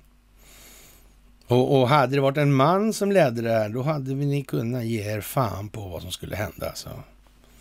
Det hade varit som ett brev på posten, alldeles säkert. Och eh, som sagt, Ericsson blir jättepopulära för Investor helt plötsligt i ljuset av allt det här. Ja, men är det någon som exakt vet hur kopplingarna ser ut bakom det här? Vilka har gjort vad och varför? Vilka uppgifter som finns lagrade i det här. Ja, men hur är det med Kazakstan till exempel? Hur är det med Joe Biden och Kazakstan? Till exempel. Hur är det med Ericsson och Vitryssland? Ericsson och Ukraina känner de flesta till vid det här laget. Oh. Hur är det med Ericsson och Restjugoslavien? Mm. Hur är det med Lundin Mining och Restjugoslavien? Mm. Ja, ja. Det är ju lite sådär kanske. Jaha, och den... Ja, jag säger så här att det är ju mycket med det här med Ukraina nu naturligtvis. Och möjligen är det väl så att man, man måste dra det till den spetsen där så att säga. Underlivsporslinet kanske måste ställas inför någon form av ultimatum då och säga så här, nu måste vi ställa det här på krigsfot, liksom ställa landet på krigsfot. Alltså USA måste gå i krig då för att skydda Ukraina. Det kan man ju säga är liksom en opinionsbildningsmässigt ganska så svår uppgift att få gehör för alltså. Det kan vi vara helt säkra på. Speciellt när man är inblandad i muthärvor från Ukraina. Det, det, det är ju så, och, och Kazakstan till exempel, och Kina och så vidare. Då finns det ju en viss problematik i det där, inbyggd så att säga.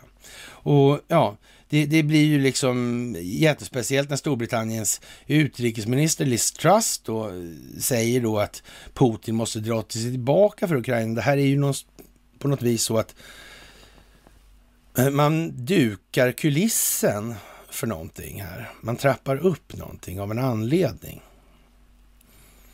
Mm. Det är ju inte så att man tror att det ska bli ett invasionsföretag. Det säger Vladimir Putin själv då att han tycker det är mer tillämpligt att de som anser någonting i den riktningen ska söka psykiatrisk hjälp. Alltså. Och det anser ju inte ens Ann Linde eller ja, Rultqvist eller sådär. De är inte heller det. Ja, men ändå så går det vidare alltså sådär och på något vis. Det förefaller liksom som risken skulle vara större för att när de här oegentligheterna i samband med valet i USA uppdagas på ett mer tydligt vis, alltså en st ännu starkare optik. Då, då förefaller det ju nästan lite risky business om vi skulle ha massor med amerikansk trupp i landet. Mm. Ja, men man skulle nästan kunna tänka sig att det... Ja. Man kanske skulle kunna spela en falsk flagga baklänges. Rent utav. Mm. Vad skulle hända om amerikanska, eller djupa staten-gubbar då, alltså amerikanska förband, gjorde en falskflagga för att få igång något mot Ryssland. Liksom lite grann som det här med den här 6 januari-historien. Den ledde ju till någonting nu som i sin tur leder, lite Sassman-tänkandet hela tiden, där att mm, man öppnar ett fönster liksom och sen kommer det vidare. Ja, det skulle ju se jävligt osnyggt då alltså. Man sa ju ändå från, från ryska ambassaden och Sverige att de skulle aldrig komma till, med kriget till vårt hus. Uh, historiskt sett kan man ju säga, det är inte förvånande att se att Sverige har dragit kriget till deras hus i alla fall. Det har hänt förr om vi säger som så. Är, så är det ju. Mm. Och om det är så att det här är en stingoperation, om det är så att man använder sig av den här metoden att låta den djupa staten hänga sig själv och hänga upp snören och hela skiten före. I akt och mening och tro att det är någon annan som ska hänga i den. När det väl kommer till kritan där och sista ja, knuten i jorden och den hänger där så att säga så om man står på pallen och prövar om den är hållbar, så är det någon som talar om för en att du kan stoppa i huvudet där nu. Mm. Man låter dem förgöra sig själva, helt enkelt. Det kan vara så. Det kan vara meningen för att exponera vad det är som har pågått under väldigt lång tid. Det kan vara den metod man väljer att använda gång efter gång efter gång också. Det är konstigt att de... Och varför? De har redan allt naturligtvis, så är det. Och det här går ut på folkbildning. Det är jordens genom tiderna största folkbildningsprojekt. Det är så det är det här. Jaha, och eh, centralbanken menar att krypto hotar den finansiella stabiliteten och möjligheten för Ryssland att bedriva självständig penningpolitik. Men hänvisar också till att medborgare kan fara illa till följd av spekulation. Då. Diskussioner om krypto kan användas i penningtvätt och terrorfinansiering har skett i många år. Och Det här är väl det någonstans man måste bestämma sig. Vad ska syftet med betalningsmedlet vara? Ska det vara då att möjliggöra arbetsdelning då genom handel? Ska det vara det primära syftet eller ska det vara att lagra värde? Det kan inte vara båda. Nej. Men kryptovaluta är en vara. På det viset. Vilket ansvar, eller rättare sagt, vad är det största ett samhälle kan åstadkomma? Det är det gemensamt tagna ansvaret. Det är det. Tillräckligt många måste förstå tillräckligt mycket för att inse att för att samhället ska bestå så kan inte alla tänka först och främst på sin egen materiella nytta. Det kommer inte att fungera. Man, någonstans skulle man ju tycka, vad fan har de inte fattat mer än så ännu? Liksom. Men nej, nu ska vi ta det här i delar helt enkelt. Så är det. Ja, och eh, att man från amerikansk sida håller på som man gör angående kryptovaluta och så vidare, det får man kanske mer sätta i en kontext av att eh, de har ett mindset som är som det är. Och, och de måste ta sin elefant i de tugger som passar sig bäst utifrån omständigheter och förutsättningar för varje givet tillfälle helt enkelt. Och det är inte läge än att komma med när man just konstaterar att det här är e ju Fed är ett stort bedrägeri. Liksom. Och det här det kunde man ju tycka att det borde de ha kommit på för ja, ungefär 100 ja, 110 år sedan nästan. Alltså. Mm. Eller Ja, men nu får man ta det i delar som sagt. Jaha, enligt socialminister Lena Hallengren har regeringskansliet gjort allt i sin makt för att ge Coronakommissionen tillgång till det material som de behöver och det är helt enkelt inte sant naturligtvis. Alltså det finns en lång rad handlingar, troligtvis hundratals, som regeringskansliet inte har velat lämna över till kommissionen. Och hur kommer det sig att den här diskussionen uppstår i det här läget? I samband, samtidigt som det här med Ekobrottsmyndigheten och Finansinspektionen och allt det här. Det verkar ju liksom helt otroligt. Är det någon där i den där statsförvaltningen som faktiskt gör det som folk, människor i allmänhet tror att den ska göra? Ja, man kan säga att det har nog blivit färre med åren i alla fall. Så är det ju. Korruptionen, eller hur? Korruptionen eller fisken ruttnar från huvudet. Mm. Och det är klart att om man då efter så lång tid börjar sätta in en, en, en människa som motverkar dem. Vi ska ta då som ett hypotetiskt exempel då den här chefen för Ekobrottsmyndigheten. Jag menar då, då förstår ju de underdelarna där då, liksom bakom huvudet. Då, så det här kommer ju inte bli så bra. Ett friskt huvud. Usch, usch, usch, usch, usch, usch. Mm. Ja, det är mycket speciellt alltså. Och sen visar det sig då att det, det är faktiskt folk som börjar undra då på regeringskansliet. Alltså det är fler än jag på regeringskansliet som undrar varför de inte lämnar ut de här alltså. Det är ju konstigt. Det här handlar alltså om handlingar och sånt som ska hjälpa den här coronakommissionen att förstå hur den svenska pandemistrategin växte fram under februari och mars, april 2020 alltså. Och, och, det är naturligtvis, och till varje möte då i de här sammanhangen tagit fram en agenda med fem eller sex eller fem eller sju kortfattade punkter. En stående punkt har till exempel varit arbetet framåt. Dessa dagordningar har Coronakommissionen fått ta del av. Men vid sidan av de här har också funnits vad som formellt kallas annoterade dagordningar på enklare svenska då, eller på vanlig svenska eller på inte kanslisvenska då ska vi säga. Dagordning med kommentarer. Det handlar i praktiken, praktiken om ordagranna talmanus för de tjänstemän som varit föredragande på mötena, en text för varje mötespunkt. Ett slags protokoll upprättade i förväg alltså. Jaha. Att det finns en lång, det är ju konstigt, har de bestämt det där innan alltså? Jaha. Ja, ja. Det finns en lång rad handlingar, troligen hundratals, som regeringskansliet valt att inte lämna över till kommissionen. Mm. Ja, men eller hur? Dokumenten är i regel ganska omfångsrika. Den 18 mars 2020 är den vanliga dagordningen på en halv sida, men den annoterade är på 8 sidor. Den 25 mars sju sidor, den 8 april också sju sidor och så vidare. Ofta har det varit Mikael Dambergs statssekreterare Elisabeth Backteman som har lett mötena och hållit i föredragningarna, ibland tjänstemän från krishanteringskansliet eller från andra departement.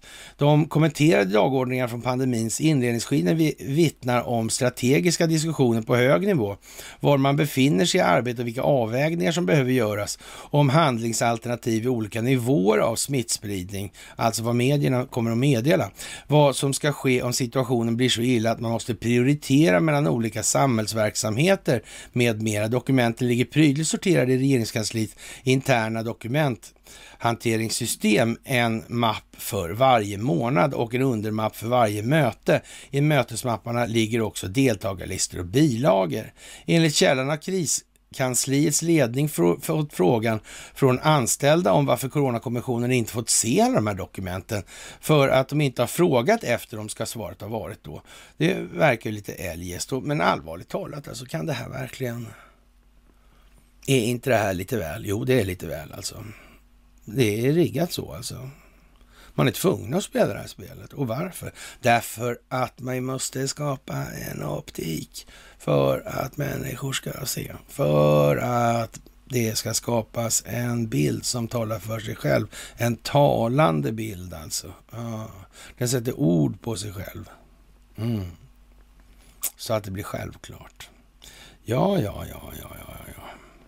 Det är ju lite eljest kanske. Eller? Jaha. Det är det eh, finns en Regeringskansliets ledning vill dock fortfarande inte bekräfta handlingarnas existens. När jag kontaktar kansliets tidigare chefstjänsteman Karin Lindgren, idag senior rådgivare på justitiedepartementet, säger hon att det inte känns rätt för mig att svara på den frågan och hänvisar vidare till nuvarande kriskanslichef Katja Annell. Katja Annell trycker bort mina påringningar sju gånger och skickar ett sms att hon hänvisar till regeringskansliets presstjänst efter hon inte har tid att svara på mina min ja och nej-fråga om det finns annoterade dagordningar. Och eh, ja, vad ska jag säga? Känns för jävligt att regeringskansliet försvårar för kommissionen, säger en av källorna här då. då. Och Eh, ja, eh, säger min ena källa alltså. Ja, och det är svårt att inte hålla med, men från och med nu vet Coronakommissionen vilka dokument man ska fråga efter. Det som eh, Lena Hallengren inte sa inte fanns. Varsågod alltså. Och, och det här är alltså från Svenska Dagbladet. Mm.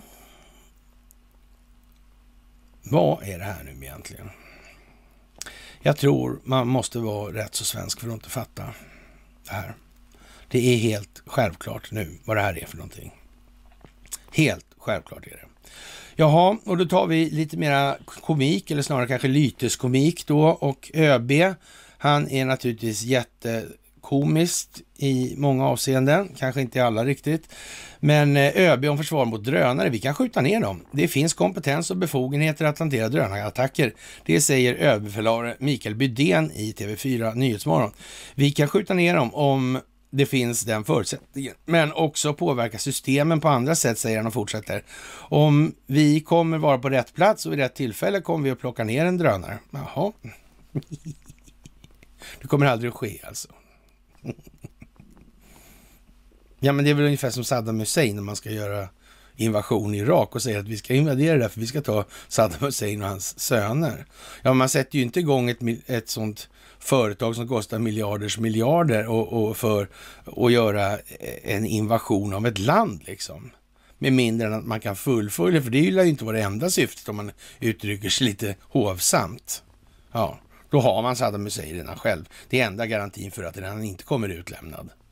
Det chansar man inte på helt enkelt.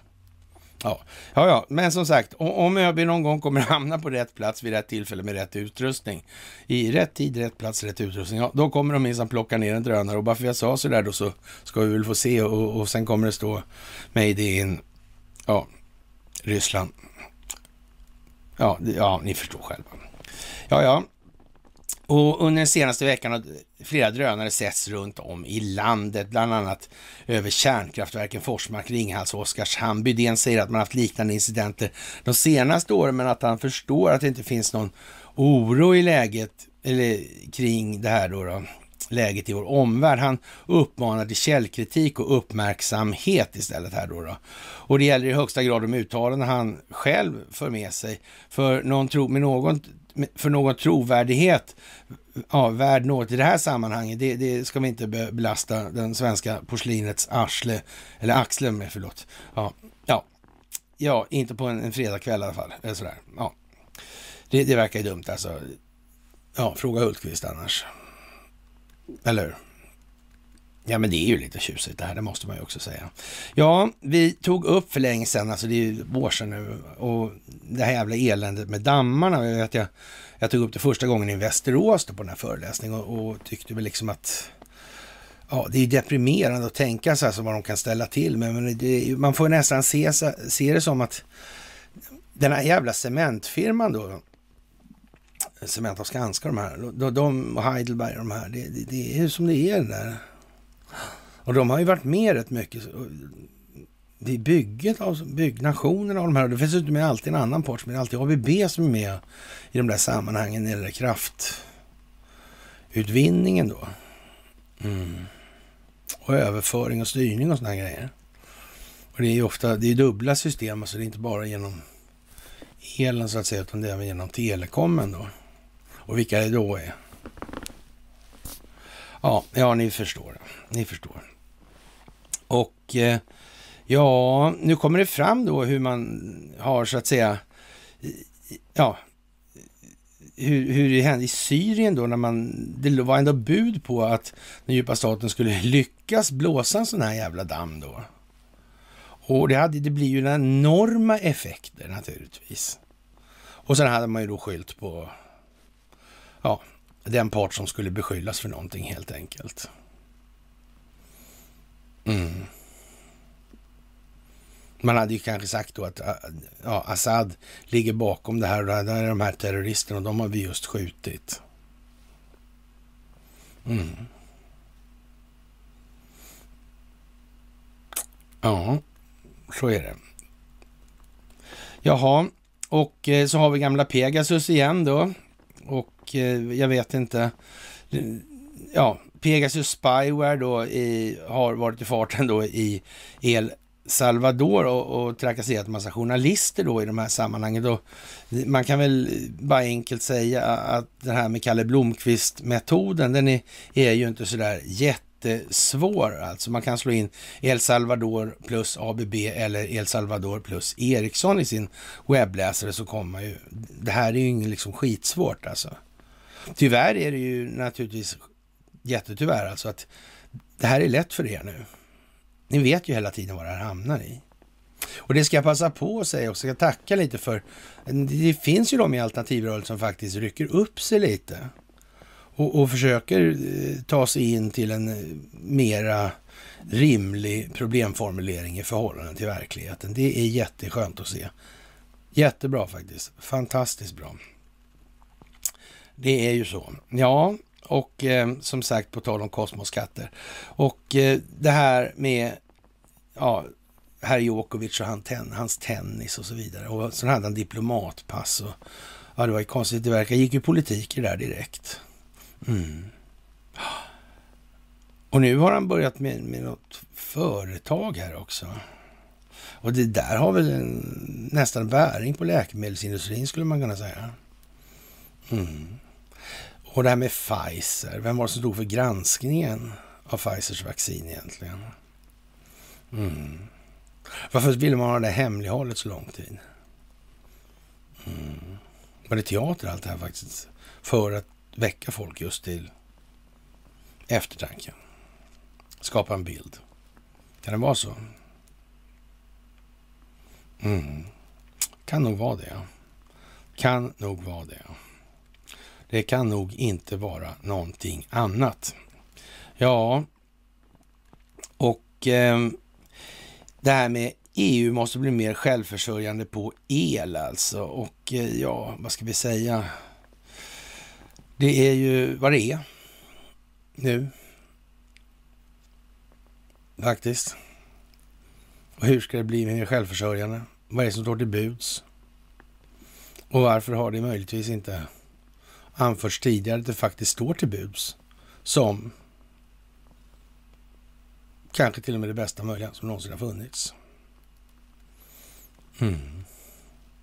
Vem, för, vem, skulle förlora på att det skulle finnas så mycket el eller energi och till så låg kostnad?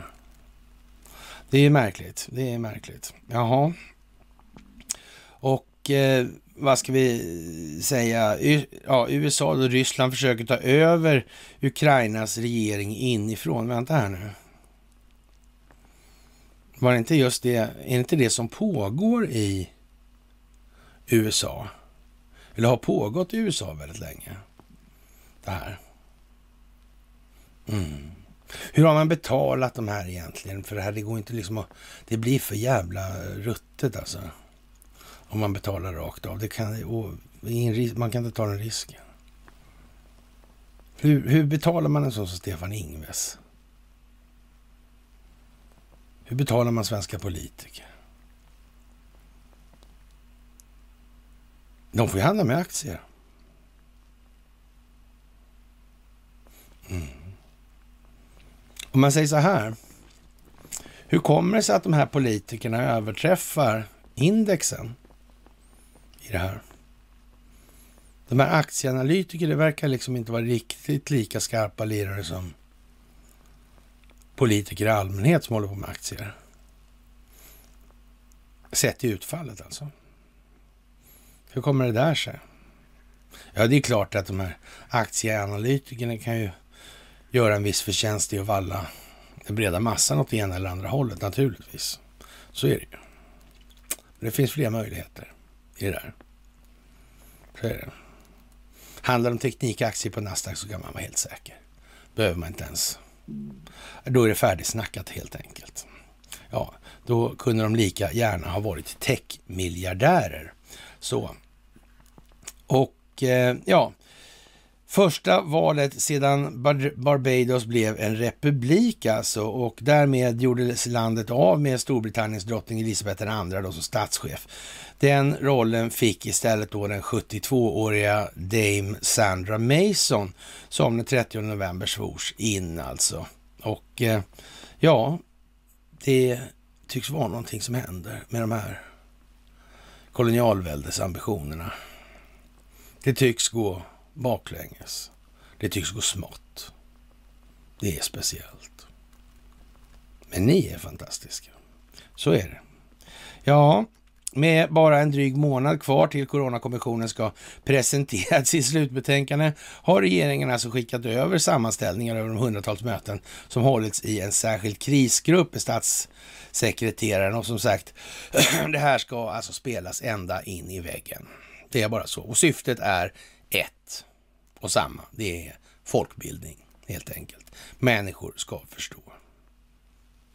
Och att man i det här läget inte håller på med det, folkbildning, det är otroligt märkligt. Och nu ska inte jag liksom, det är inte för att nedvärdera så som, men, men de här demosarna och de här grejerna alltså.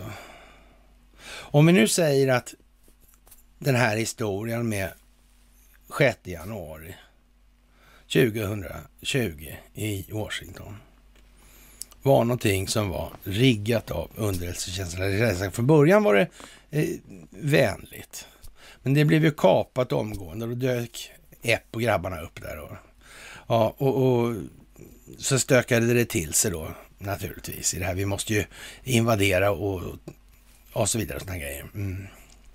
Men sen var det ju faktiskt kontrollerat redan från början också det här. Så FBI gick i fällan i det här. Och det var ju det som skulle bevisas. Men hur många lager som finns i det här, det är ju ja, hart när omöjligt att säga på förhand. Faktiskt.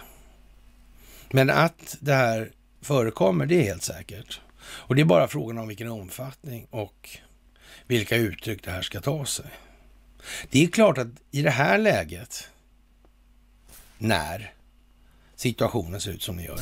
Ja, då kan man väl säga så här, då får vi nog anta att när Investor så att säga för trovärdighetens skull börjar köpa upp aktier i de egna bolagen och Forsell håller en sån utläggning och det har framkommit då på bredare front vad egentligen det innebär med att Donald Trump blir tvungen att lämna ut de här handlingarna. Eller hans administration kan inte hålla. De har ju bromsat och bromsat och broms, bromsat och bromsat och bromsat ska vi säga. Ja. Och, och man kan begära ut gammalt. Och det är klart att i det läget så finns det ju en massa krafter kvar i den djupa staten som inte kanske har den stora strategiska bilden klart för sig. Och risken för att sådana ska agera och intervenera i sådana här sammankomster i det här läget, den måste ses som betydligt större än att låta bli och gå på det där. Och frågan är då för, om det är vad som är bra, om det nu är så att ett gäng sådana här dårar i, i någon liten liga då har bestämt sig för att nej, vi tänker inte ge oss sådär. Vi tänker fan hålla grundstump. Vi har det här och det här och det här att torska på. Och tro mig, sådana strukturer finns det alltså. I det här landet. Det är alldeles säkert. Alldeles säkert. Och jag tror vi ska påminna oss lite grann om det här med Stig Engström. Jag tror vi ska påminna oss lite grann om skytteklubbar. Jag tror vi ska påminna oss själva om lite om Stay Behind till exempel. Jag tror att hon, tant Ramberg där, som tycker en massa saker, är ett exempel på sånt. Faktiskt. Advokatsamfundet och jag tror faktiskt det. Mm. Det där advokatsamfundet som faktiskt är med. Dan Eliasson. Som minsann inte är advokat. Mm. Det verkar konstigt det där. Det verkar ruttet, korrumperat, förgiftat, omoraliskt. Ja, och eh, ja, vad ska vi säga? Det här med Hallengren är ju ett kalasexempel naturligtvis för befolkningens skull och ingenting annat. Nu måste man förstå att det som ses framför oss är egentligen någonting som ska skapa eftertanke, som ska leda fram till någonting annat än det som vi trodde förut. Och det ska bli uppenbart att det är så. Det ska bli för dumt. Så här jävla korkat kan det väl inte. Det här är väl inte de, den typen av människor som man vill ska leda någonting. De är uppenbarligen inga ledare. De är egennyttiga kräk, det är helt säkert. Punkt. Ja, faktiskt. Jaha, och eh, ja, gång på gång faller västvärlden i Vladimir Putins fällor. Det skriver Alexej Navalny i, ett, i brevkorrespondens med tidskriften Time. Den fängslade ryska oppositionsledaren anser att Putin presenterar vansinniga och skrattretande krav. Till exempel att den ryske presidenten i USAs Joe Biden eh, det där är kanske lite sådär eh, väl tydligt alltså. Då undrar ju vän av ordning, han är väl den, eh, den ryske presidenten och den amerikanske presidenten kanske, men det heter den ryske presidenten och USAs Joe Biden, alltså han kanske tycker han är resident då. Och vill inte genera sig själv då och, så, alltså, och skriva resident, utan för president kanske han inte tror han är då, ska sätta sig ner och bestämma Europas öde som om det var, det heter som om det vore. 1900, men det är nog Omnis fel tror jag snarare. Som det vore 1944, men att västvärlden ändå låter sig luras gång på gång alltså. Jaha. Mm. Men, men där 44, vad var det för något då? Ja, det kan man fråga sig. Det kan man fråga sig. Navalny, han kände Carl Bildt har jag för mig. Ja, de hade väl någon eller nej, inte, jo, eller? Ja. Ja, ja. Och han har ju förresten polonium här också va? Ja. Var det polonium i kalsongerna till och med? ja, eller var det inte det? Ja, det var något sånt där i alla fall. Ja, ja. Drönar, drönarna skapar nya förutsättningar för krigföring i luften alltså. Och som sagt, ja, gråzonskrigföring, lägg det ordet på minnet. Och svenska ord är ju som det är. Det var väl till och med så att det fanns någon liten, ja, kuplettserie där som hette Svenska ord, eller var det inte så? Jag för mig det. Mm. Det har ingenting med styra tankar att göra i alla fall. Det är helt säkert alltså. Det är alldeles säkert. Och de här drönarna är naturligtvis vad de är i den meningen. Och det är bara att konstatera att så är det ju. Ja, och eh, ja, vad ska vi säga? Det, den Svenska teknikutvecklaren och mångsysslaren Wallenberg som kontrollerar telekominfrastrukturen i 184 länder och även sysslar med kraftförsörjning, internet, 5G, nanoteknologi, AI, robotar och vapenhandel i övrigt kan man ha vävt ihop liksom massa saker här. För, kan man ha fått påtalat för sig någonting i, det här, i de här sammanhangen? Telekrigföring är ingen ny gren för dem, alltså så kan vi säga. Det är liksom Ja, så. Mm.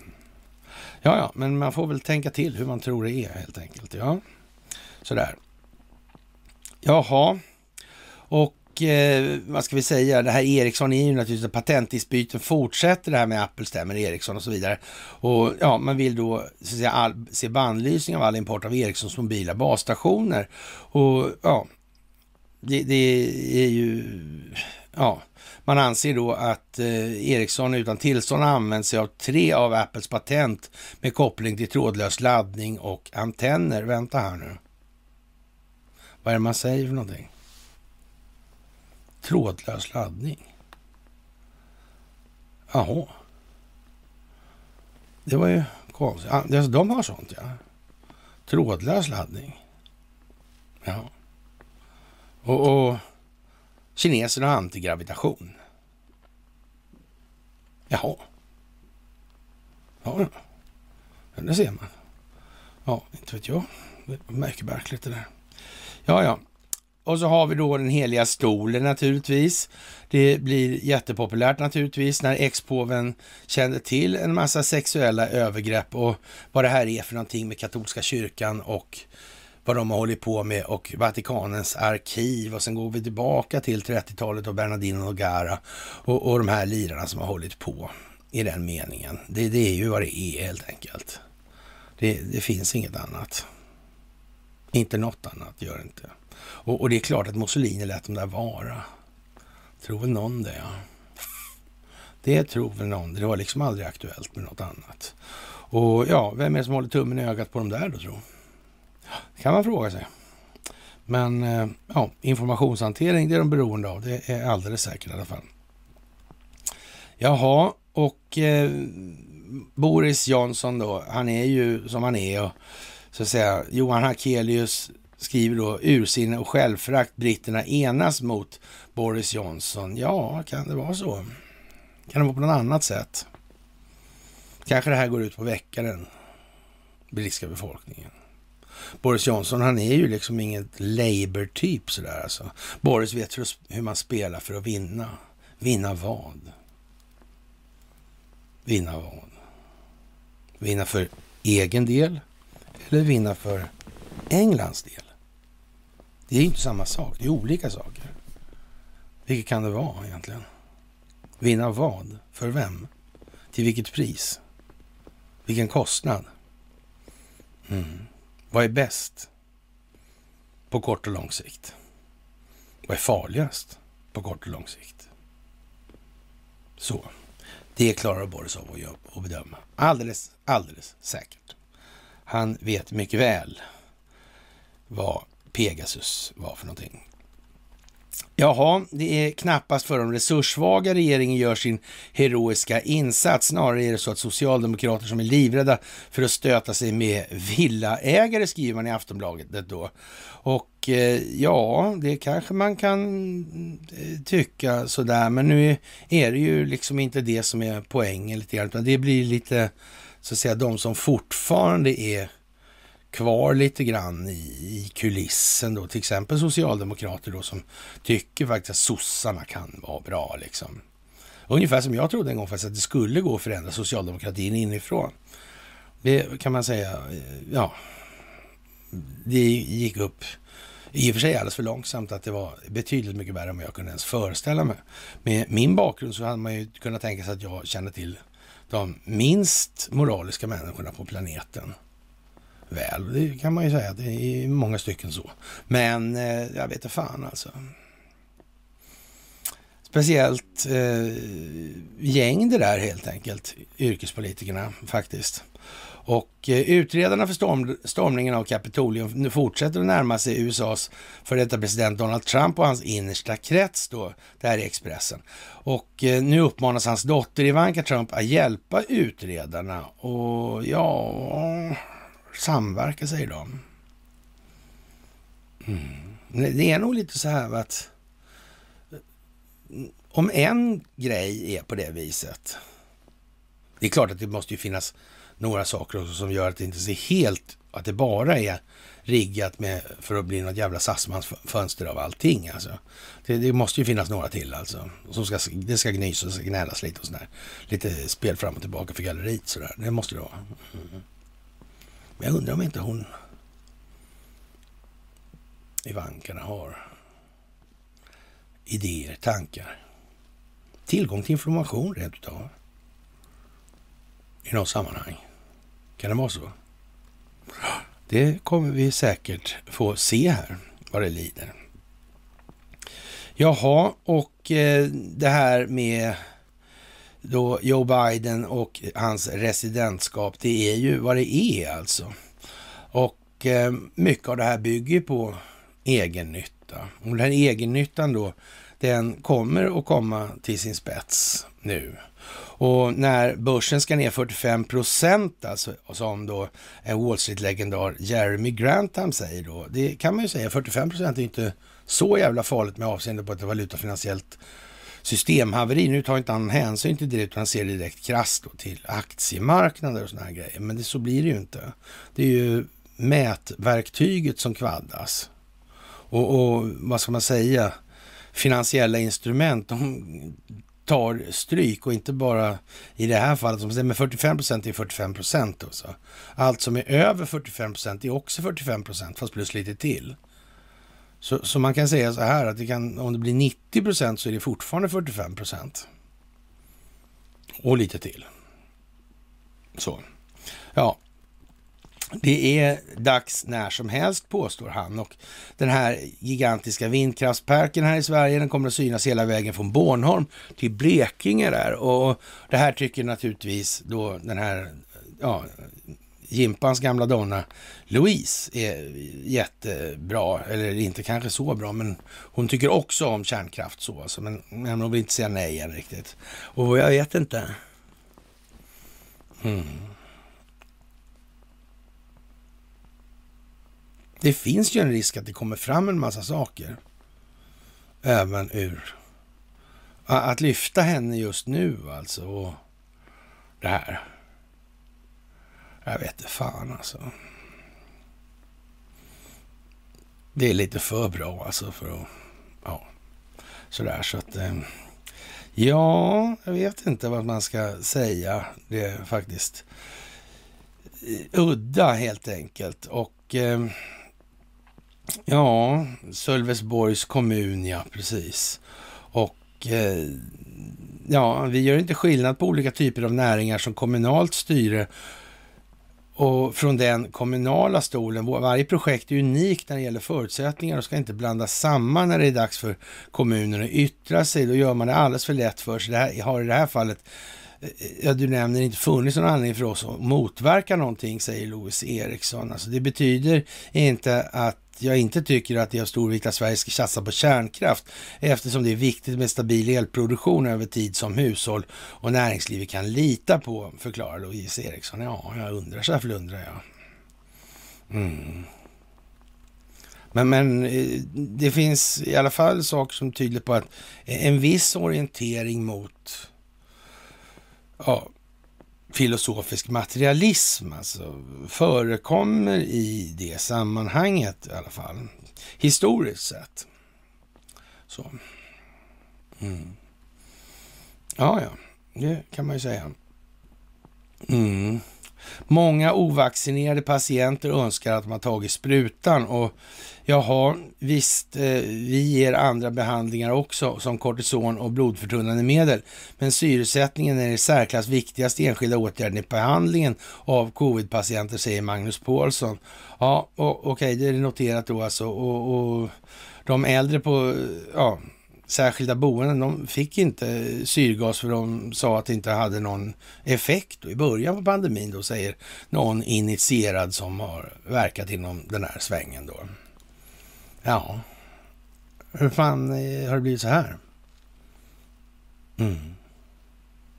Ja, ja. Covidiotin är intellektuellt död. Det har alla förstått, eller väldigt många förstått i alla fall. Och eh, hur det är med de här som gnäller nu då. De har fått jävla massa elnoter helt plötsligt. Hur fan är det där? Hennes elnota femdubblades från 22 000 till 100 000. Och då, vad fan då liksom? Jävla gnäll. Antingen ska privata vinstmaximeringsintressen få hålla på med det här. Ja, och då är det ju så. Då är det bara att hålla käften. Eller också får man väl adressera vad som är problemet. Hur jävla svårt ska det vara? Egentligen. Nej, det där går bort. Helt klart alltså. Det där är bara löjligt. Det, det, det är omoget skulle man kunna säga. Det är lätt infantilt. Det är det. Ja, som sagt. Det är som det är nu helt enkelt. Jaha, och Bill Gates planerar för värre pandemier i framtiden, skriver då Newsvoice och det får fan stå för Newsvoice. Helt enkelt. Det är bara så. Många av de här i de här alternativrörelserna ska ha beröm för att de faktiskt försöker närma sig det här på ett mer rimligt sätt. Andra får fan med tänka till lite grann alltså. Om man inte har fattat att Bill Gates betalar licensavgifter ännu, så får man titta på myset från i onsdags, som sent om sidor kom upp ska vi säga. Och det kämpades tappert naturligtvis från Skåne för att få upp det här. Och, men det jävlas ibland helt enkelt. Så, och, och mina eh, avstängningar de har ökat i med timmar då sådär, enstaka timmar. Också lite halvlustigt. Det verkar ska hända någonting här ungefär nu faktiskt när jag är fri från Facebook och det är ju lite trevligt att konstatera att jag är.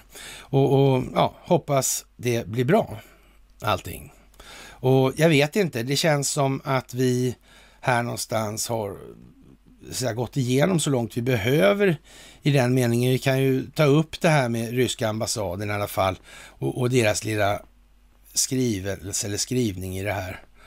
När, när det kommer till, ja, just det här, vad, vad liksom, ja, vi skulle vilja ha en god grannskapsrelation med våra svenska partners och utveckla en ömsesidigt fördelaktig dialog med dem på alla områden, inklusive säkerhetssektorn, som upprepade gånger officiellt erbjudits Stockholm, men har fått avslag eller snubblat över en grav tystnad. Och eh, att försäkra vettiga svenska medborgare Ryssland kommer aldrig hem till er med krig och alla insinuationer om motsatt syfte är att övertyga vanliga skattebetalare att lägga mer pengar på militära behov och lyda dekret från andra sidan havet eller Atlanten. Då. Mm. Som sagt, det börjar bli rätt tydligt vad det här är för någonting. Och när det inte fyra, fem sprutor vaccin räcker till exempel och när fem miljoner i böter till Bahnhof då, för de måste lämna ut uppgifter till polisen och Sverige blev dömda i Europadomstolen för de här fasonerna med FRA-lagen. Och vi står och skriker åt alla andra att de ska acceptera internationell rätt. Ja, vad är det här för någonting egentligen? Ens? Det får man faktiskt tänka till lite på här. Och som sagt, Expressen börjar skrika om Ann Ramberg som har börjat bli nervös för att verkligheten kommer knacka på dörren. Och nu tycker att man inte ska rusa åstad med den här och svälja den här propagandan från den djupa staten angående hotet från Ryssland. Mm, det här är tiden när sångfåglarna stämmer upp. Dörrarna till helvetet öppnas och befolkningens medvetna medvetande ökar. Och, no, och no, enormt alltså. Det blir ett enormt steg när bilden av verkligheten ges en optik som går att sätta ord på. de gamla känslogrunderna, värderingarna faller ner i helvetet. Så är det. Vägen dit är kantad av sådana. Vägen därifrån. Ja. Den bygger på något annat. Den bygger på kritisk självrannsakan. Ökad självförståelse. Ja, det är speciellt nu, det måste man säga. Det är mycket, mycket, mycket speciellt, vill jag nog påstå. Med det, kära vänner, så får vi nästan se att eh, den här veckan har gått till sin ände och eh, ni ska som vanligt ha det största av tack för det ni gör. Ni är fantastiska. Helt otroligt. Helt otroligt. Och det här är enormt roligt och få uppleva tillsammans med er. Och eh, det här är planerat. Det här är regisserat. Det här kommer att bli bra. Men hur lång tid ska det ta? Vad är det som krävs? Ja, det som krävs det är att tillräckligt många förstår tillräckligt mycket för att på ett sätt kunna beskriva verkligheten så att andra i sin tur kan förstå mer av verkligheten. Ledning till upplysning, vidare ledning till upplysning.